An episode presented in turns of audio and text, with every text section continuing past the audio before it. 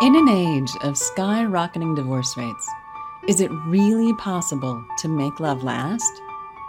Welcome to the Falling in Love Forever show with doctors Barbara and Michael Grossman, the well known relationship experts and best selling authors of The Marriage Map book. Each week, they share the latest information to help you enjoy your romantic partnerships so you can fall in love forever. Here are your hosts, Doctors Barbara and Michael Grossman.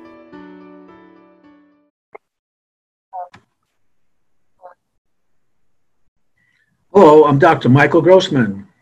I'm Dr. Barbara Grossman. And we are here to talk about how we can create boundaries in our life that are supportive for all kinds of good things happening. My specialty, so that you know, is that I am an anti aging physician. I specialize in keeping people youthful, making you look and feel young and vital and I support you in so many different ways. And there's so much information in medicine now about how to stay youthful and how to stay healthy. And my wife, Dr. Barbara. I'm a licensed marriage and family therapist for 35 years, and I work with individuals and couples. And my purpose is to grow people, grow people as individuals and in their relationships. And we work together because so much of being youthful involves how you create relationships in your life. And the, the most important factor in longevity after the age of 50 is the quality of your personal relationships. So, as an anti aging doctor, I can't ignore that. Yes, there's a lot of things to do about hormones, about eating healthy and t- taking different nutrients and doing different things and exercise, but you can't ignore the quality of your personal relationships. And that's what we're going to focus on today in terms of keeping you healthy. And so let me turn it over first to Dr. Barbara.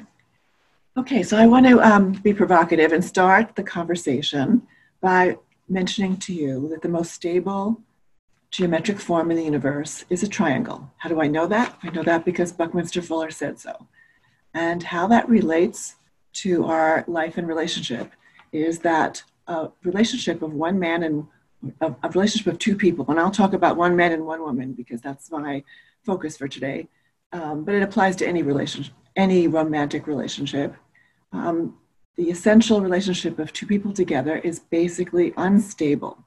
Two people in relationship is not stable because you're constantly growing and changing over life, a lifespan, and also because you're your um, the time in which you got to know each other and fell in love with each other is a different kind of relationship than the relationship you have when you commit and form a life together. There's so many changes. You have to learn how to manage money together. You make decisions about where to live.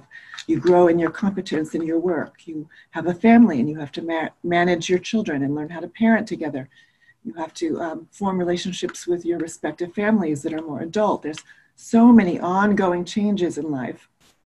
And what happens is, and what's important about it, uh, a relationship that's a partnership, is that each of you have different assets and different areas in which to grow. And over time, you need to be able to share with your partner what you need from them or what you see that will help them grow. And you need to be able to hear what you need to improve yourself. Those are hard conversations especially if you don't know how to how to share them in a way that is that is respectful. Most of us, we, most of us, what we do is we either um, are are afraid to share those things, and so we wait until we have a mountain of resentments, and then we're exploding in anger, or we we want to protect our partner's feelings, and we um, uh, we avoid talking about things uh, completely, and voila, years into the relationship, we're having a we, we have a boyfriend or a girlfriend because it's easier to talk to them. In, in general, what people do is they manage their frustration in their relationship by talking to a coworker or a same-sex friend or um, possibly a parent or, or um, there's, there's a way in which they invite a third person into the essentially into the marriage uh, and it's a, a way of of releasing stress. you, you report your concerns and your frustration, you feel good for the moment. Nothing, of course, changes because you haven't talked to the person who can change it, which is your partner. And um, this can maintain a certain stability in your relationship for a long time, which is which comes back to the idea of triangles. It's very natural for people to pull in a third party to um, manage the distress in your relationship. It might not even be a, a third party. It could that's a person. It could be, you know, you choose to have five drinks every night, five beers. That's a way of, of calming your frustration down. There's all different ways of triangling, which is stabilizing a system, but it really prevents the system from growing. and in fact, it, it, it actually creates your, your partnership, your marriage going stale because you're not going with the flow of, of evolution in your lives together. And, and in truth, it, there is a special skill set to share that information. And, um, and I you know, want you to know that we all need to hear that. We all have places to grow. I mean, I think over time I've heard things from Michael like, um, I'm um, so I'm an only child. So I, you know, Michael has told me I'm not a team player. I never taught my kids to to um, to cook. I don't include people. I just do it all myself. It's it's no fun, and it excludes people. That's one piece of feedback I got. That's very helpful and true about me. I've heard uh, feedback like um, I'm really um, abrupt and and harsh, and I need to soften up, and um, that's also true about me and that was very, very helpful. I've heard feedback from Michael about how, you know, sexually I'm kind of vanilla and I need to expand my repertoire. Now that's pretty sensitive, but got to hear it, or else there's no room to move and grow. You need to see yourself the way you're seen by your partner.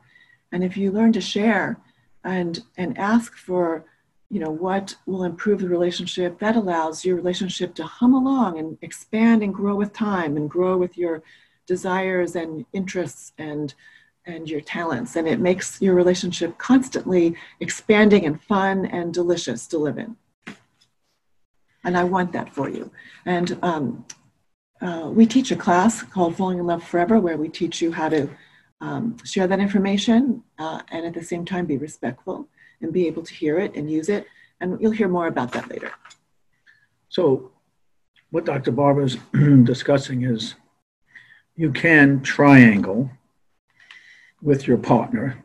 And instead of having a intimate, direct relationship, which is kind of intense, one on one, you bring a third party in, and that kind of makes things more stable. You don't have to be so intense. That third party could be a hobby, could be a parent, it could be um, another person at work, a buddy, a opposite set, opposite sex buddy, where you're just being friends. And that relieves the tension that you feel with your partner. But what it does is that it it stops the relationship from growing with your romantic partner.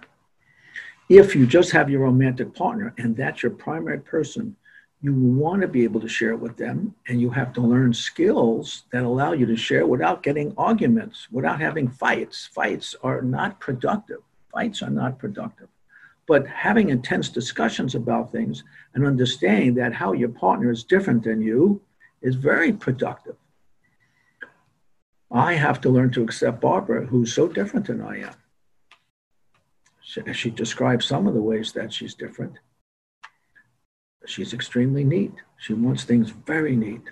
If things aren't neat, her body is uncomfortable. I'm not so neat.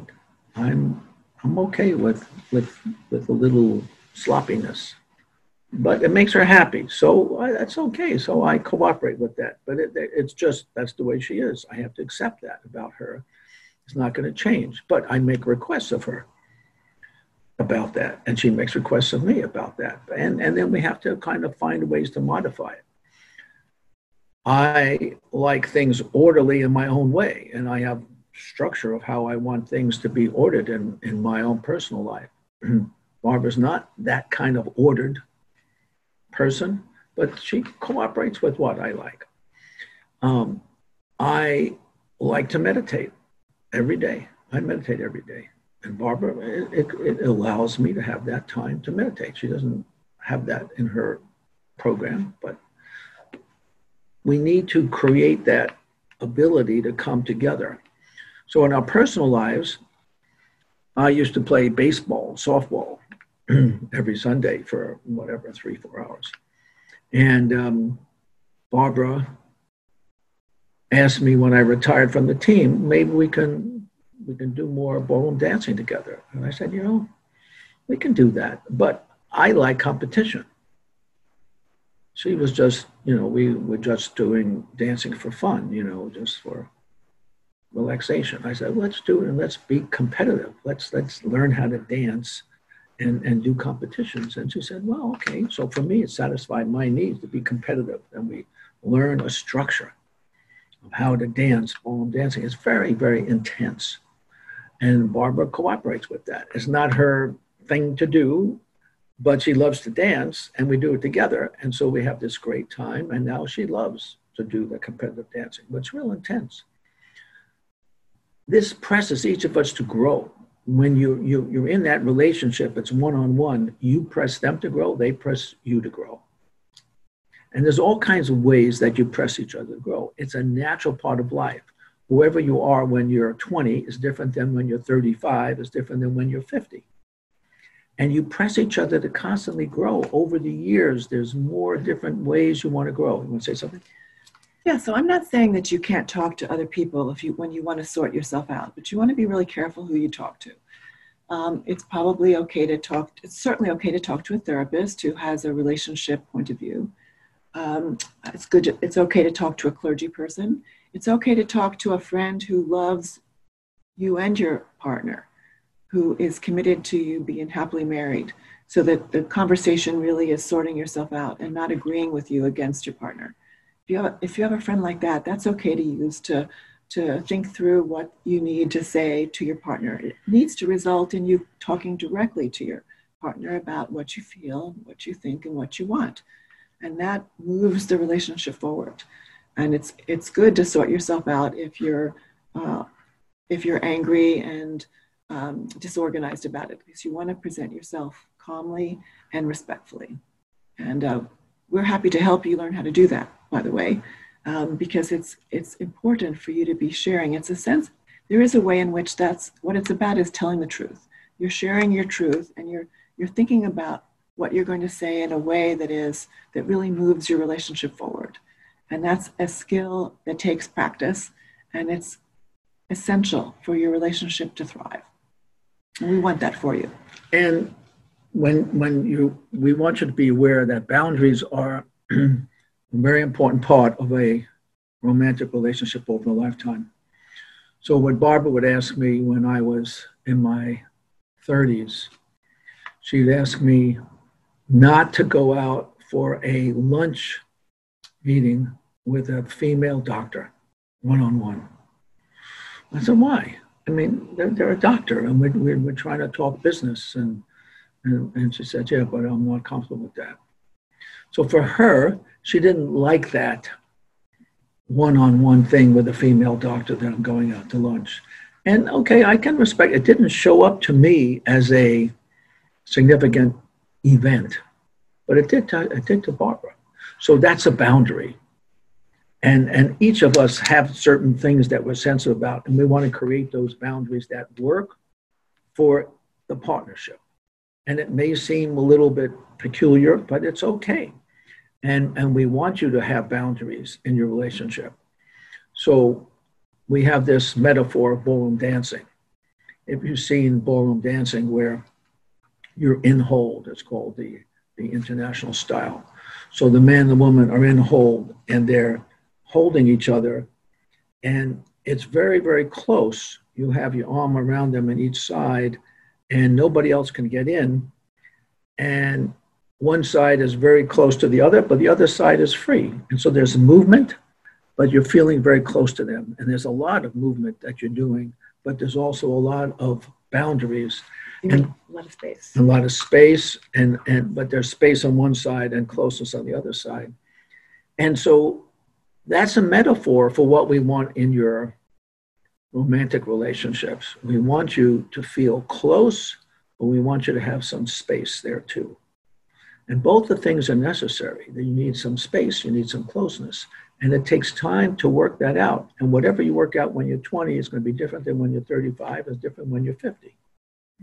The metaphor for space is has to do with uh, space for your individual life where you develop your talents, you grow in competence, you you build your skills, you expand, you know, what you can do in the world and and and you know fulfill your meaning in life, which is your life's journey. You're both developing that as an individual, and then the connection with your partner means you're also connected and you're you are you've and you weave your life together, but you have the space to grow as individuals. And so we want to encourage you to go to our website, themarriagemap.com, and look at the different things that we offer there. We have a lot of different classes and courses where you learn skills that will allow you to create a romantic relationship that lasts for a lifetime and feels more and more joyful, romantic, passionate. It just builds and builds over a lifetime. So encourage you to go and look at those things. We've written a book called The Marriage Map The Road to Transforming Your Marriage from Ordeal to Adventure. And that gives you a big picture of what are the changes that happen over a lifetime. And, and it gives you a big picture of how it feels and how it looks. And so we encourage you to look at that because that's a very important perspective. Yes, and we weave in the skills you need at the different levels in order to keep your your relationship evolving and expanding in joy and pleasure. So we invite you to come back and watch us again on uh, on our little week week weekend show. And so we wish you a lovely a lovely romantic relationship and come and join us again. Thanks so much. Bye. Bye for now. Thank you for watching the Falling in Love Forever show with doctors Barbara and Michael Grossman. Join us next week for another informative discussion to help you keep your love alive. Be sure to visit us at themarriagemap.com or find out about our relationship classes at fallinginloveforever.com.